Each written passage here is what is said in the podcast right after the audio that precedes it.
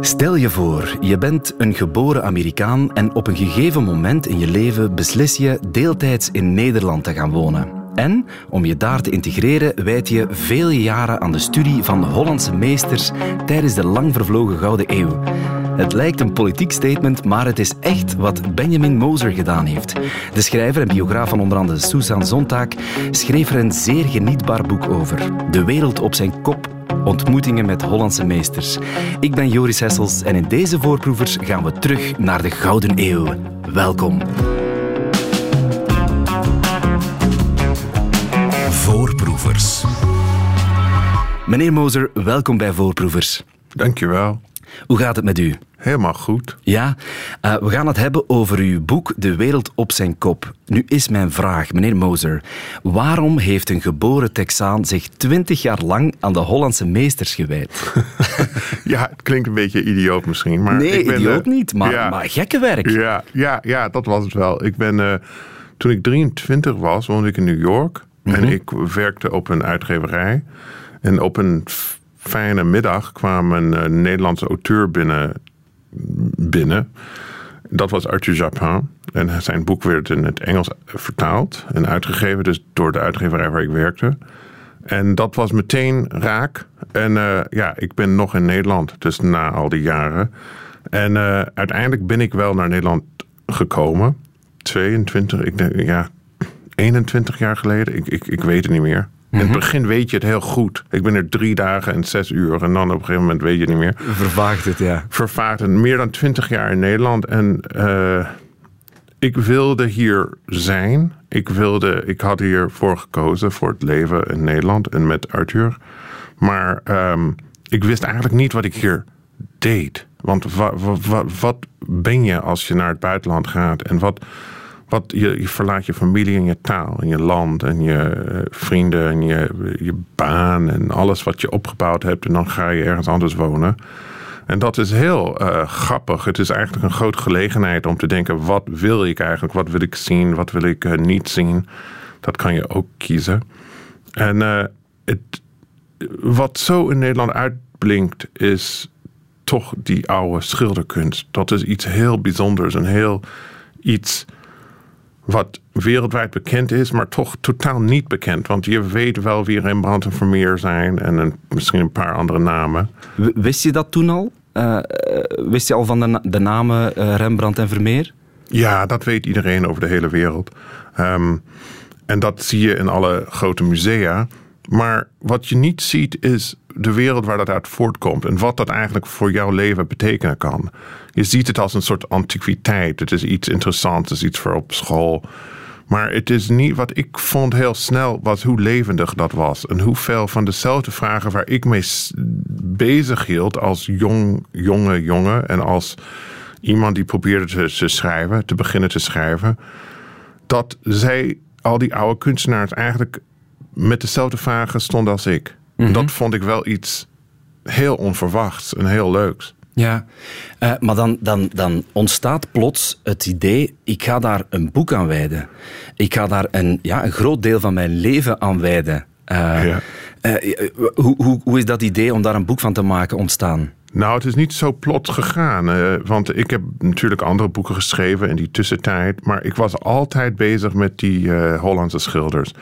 Dat was iets wat ik deed om Nederland te beter te leren kennen. Maar ook mezelf beter te leren kennen. En te weten wat ik deed in godsnaam hier. En wat doe ik als, als schrijver en als lid van een samenleving die niet de mijne is.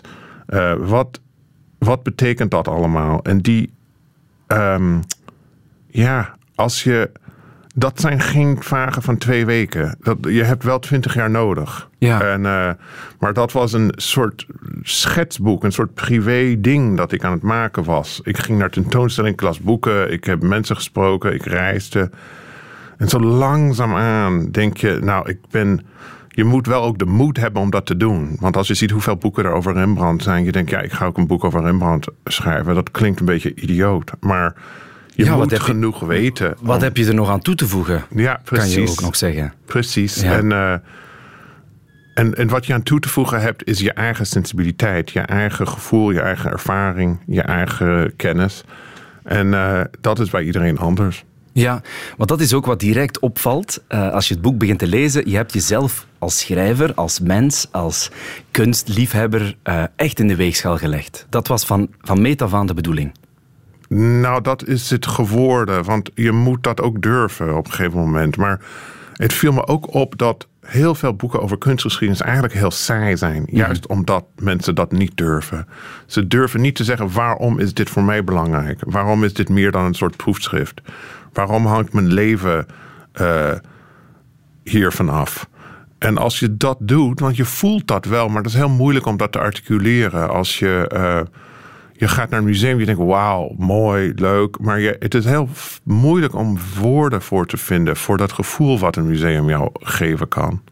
Ja, en dan is dat idee gekomen om uh, ja, je, je, jezelf als zoekende schrijver, als zoekende mens, daar een beetje als leidraad in te nemen.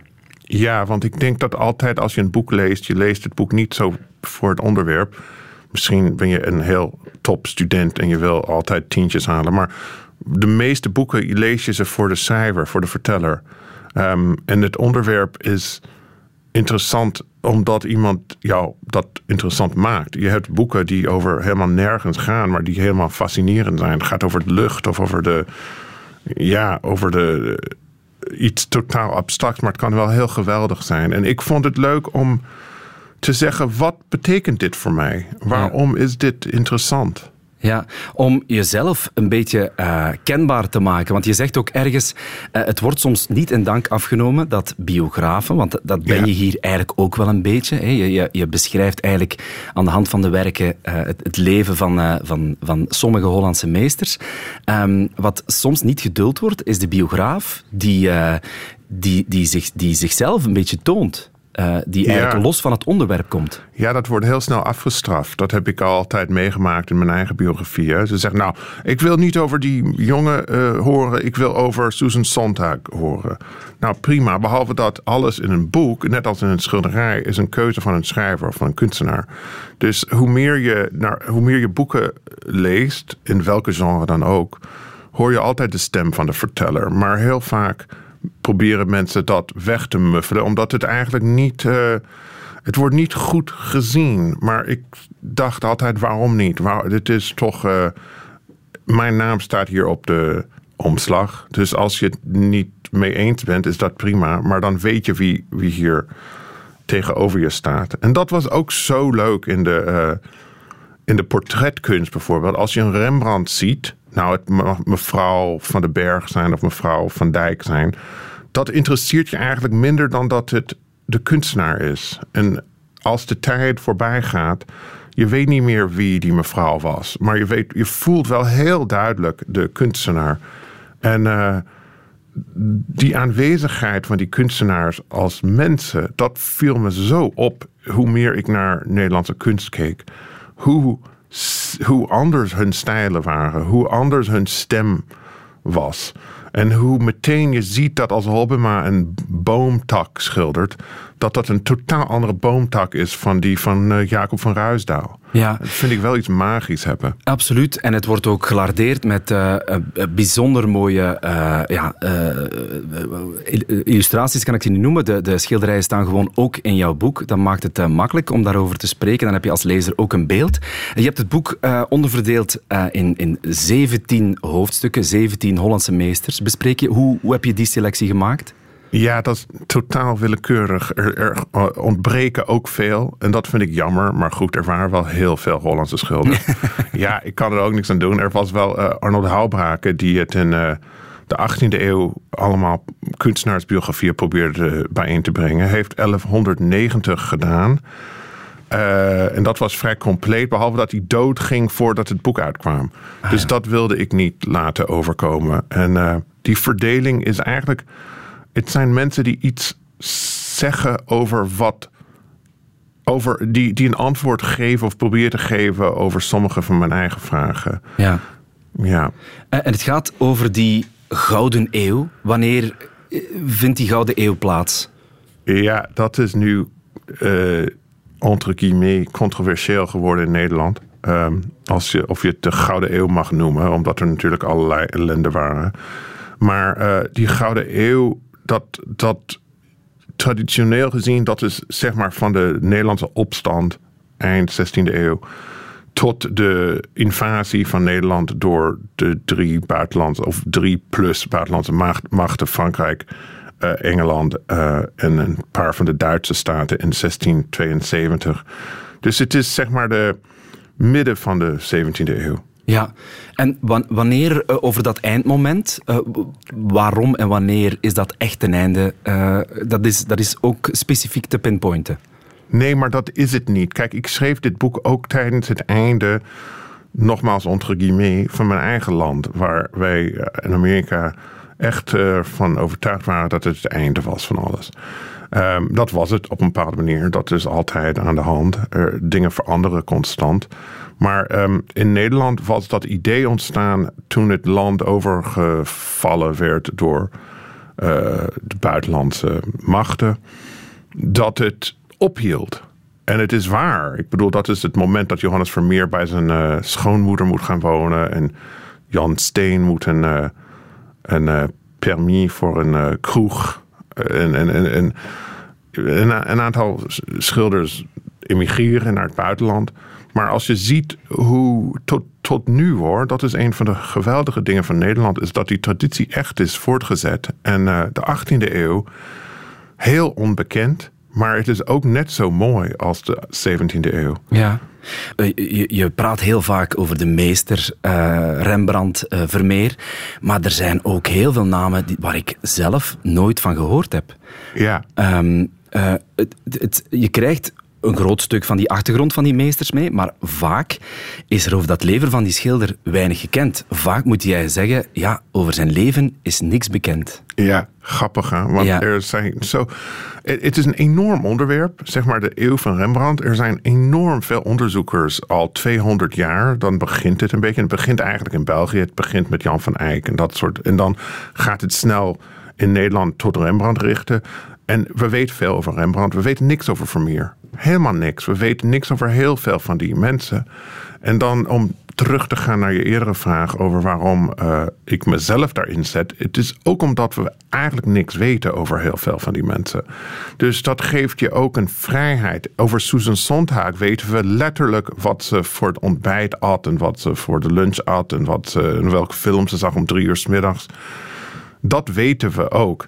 Maar dat is een soort onvrijheid vaak als schrijver. Want dan is het heel moeilijk soms om, om je van die feiten af te worstelen. En, uh, en, en te zien waarom ze zo belangrijk zijn. Maar ik ben blij dat je ze niet allemaal kent. Dat is een beetje de whole point voor mij.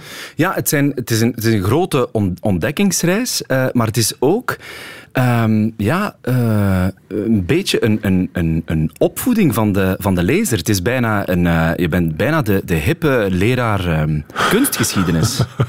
echt waar? Ja, ja. Nou, dat vind ik leuk. Om meen te ik horen. echt? Ja, ik ga dat op de paperback zetten. of op de tweede druk. De hippe leraar kunstgeschiedenis. Ja, maar kijk, ik had heel goede leraar kunstgeschiedenis. En ik heb ook heel saaie gehad. En het is leuk, kunst. Het is, je voelt het als je een mooi museum binnenloopt. Maar heel vaak weet je niet hoe je de volgende stap moet nemen. Want heel snel kom je terecht in heel technische geschriften.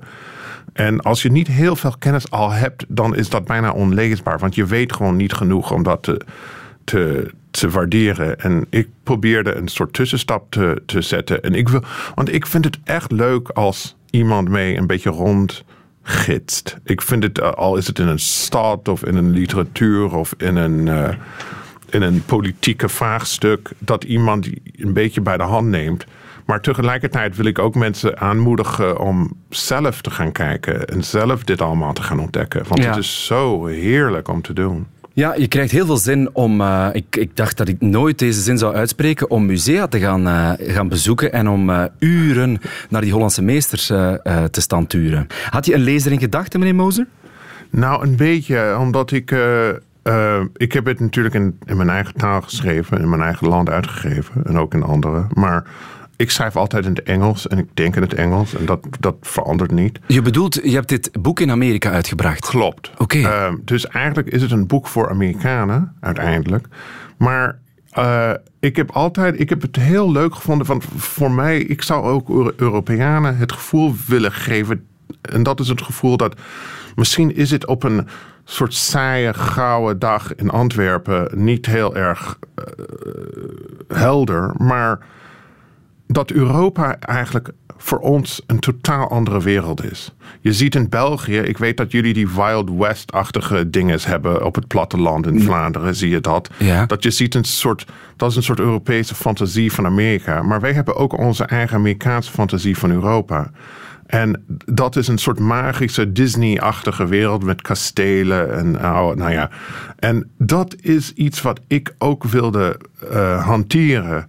Uh, gewoon hoe leuk en exotisch het is. Het is, um, ik weet nog, dit is maar een voorbeeld omdat jullie in, in, in België zitten, maar de eerste keer dat ik naar Brugge ging, mm -hmm. dat is dat is wel heel erg geweldig om dat voor het eerst te zien. Maar hoe langer je ergens blijft, hoe saaier dat eigenlijk wordt. Want je gaat ja. iedere dag langs en je ziet het niet meer. Voor ons is het een saai openluchtmuseum, waar eigenlijk heel weinig gebeurt. Precies, precies. Maar is het ook leuk om te denken, hoe ziet dit eruit voor iemand uit Texas? Mm -hmm. Net als als ik in Houston ben, ben ik nu heel erg bewust van hoe ziet dat eruit van iemand uit Utrecht. Ja, Um, het, los van de historische nieuwigheden, die je waarschijnlijk ook zelf uh, niet wist en dan gevonden hebt voor jouw boek en dan uh, in het boek gebracht hebt, uh, geschreven hebt, heeft het jou meer van Nederland laten houden? Ja, veel meer. Ik kwam in Nederland aan op een moment waar nou ja, we hebben het nu weer terug een beetje met de verkiezingen. Maar Nederland was heel erg nationalistisch. Dat was na 9-11. Het was na uh, allemaal ellende in Nederland. Dus dat was de moord op Pim Fortuyn en Theo, Theo van Gogh. En dat hele verhaal. En het was eigenlijk een heel nare tijd in de hele wereld. En Nederland werd steeds nationalistischer en steeds gekker. En je had, het was echt onuitstaanbaar om het nieuws te, te zien elke avond. En ik dacht, ja, oké, ik ben hier. Ik wil dit wel leuk vinden. Ik wil niet. Uh, ik ben zelf buitenlander. Ik wil niet in zo'n zo'n moment van buitenlander vijandschap. Uh, dat, dat vond ik gewoon naar.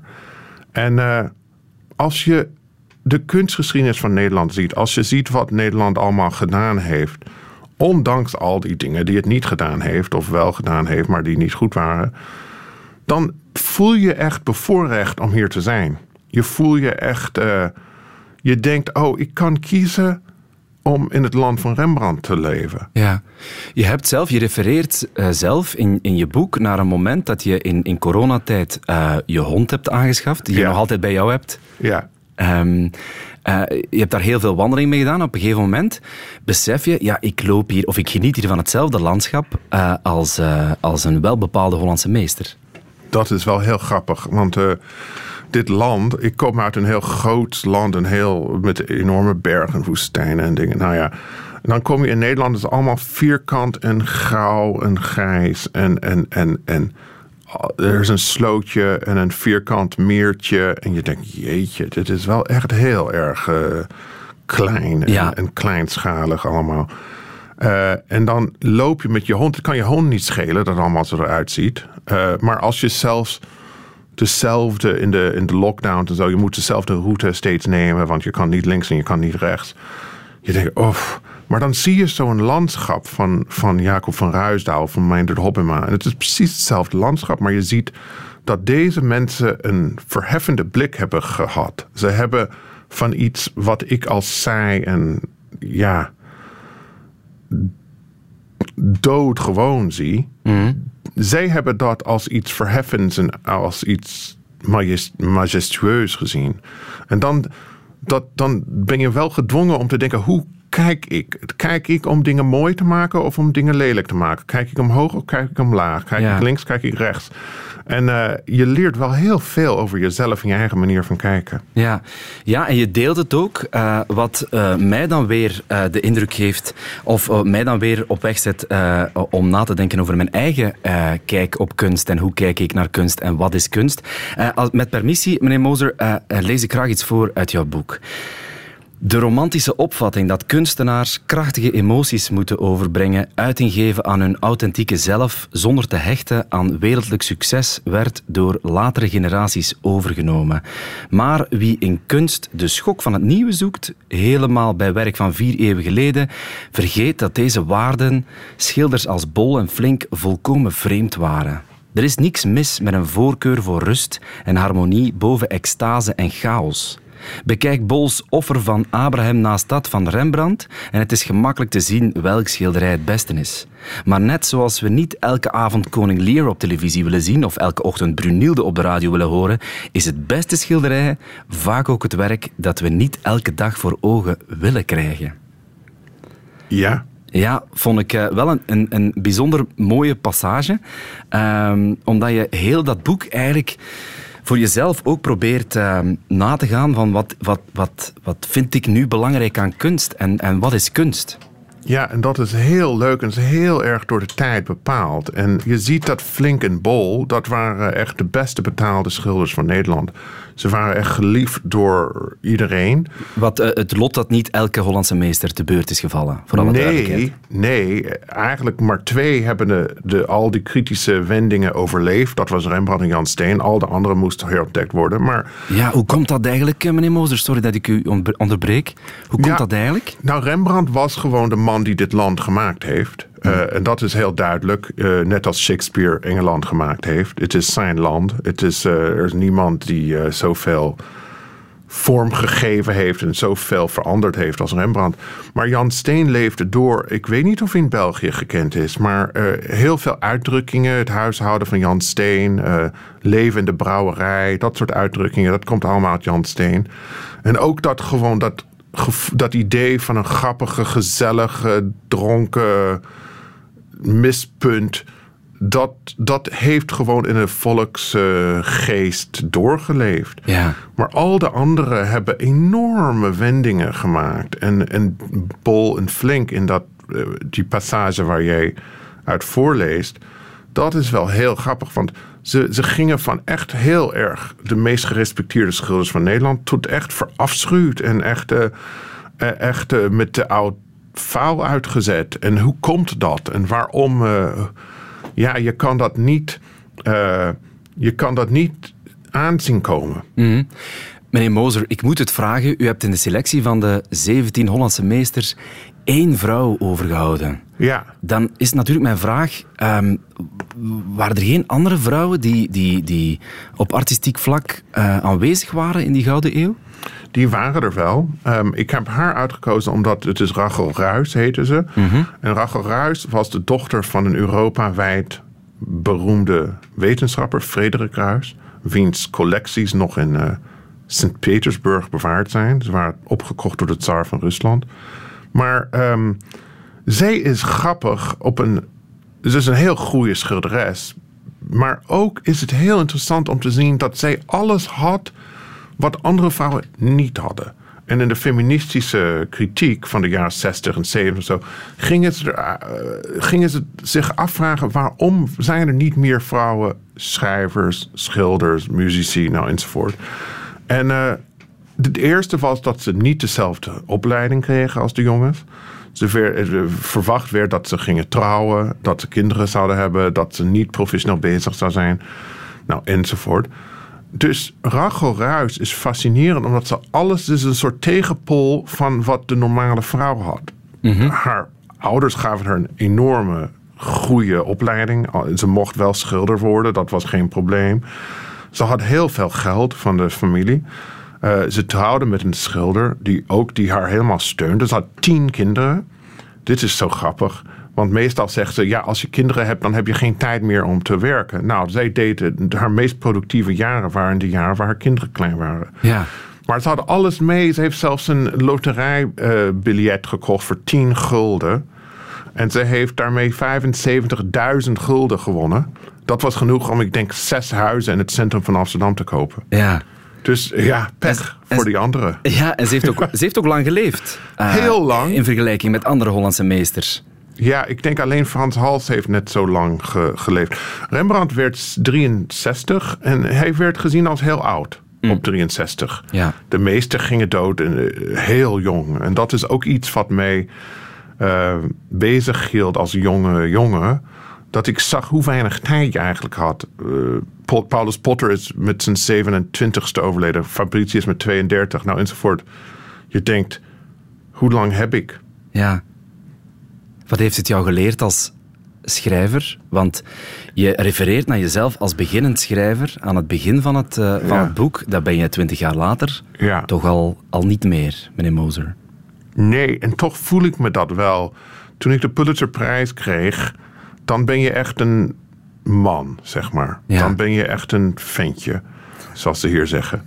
maar, eh, maar je voelt je niet anders. Het is heel gek. Ik denk dat dat idee van een. eh, dat je altijd aan het begin bent.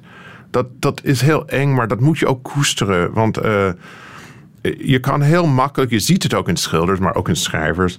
Mensen, je kan het ook gewoon eindeloos gaan herhalen. Maar dat is niet eh, wat echt. dat is niet waar kunst uit ontstaat. Kunst ontstaat ook uit onzekerheid en uit zoeken. Ja. En ik heb een heel teder gevoel voor de mislukte werken van schilders en van schrijvers. Ja, Want je dat- ziet iemand die zoekt.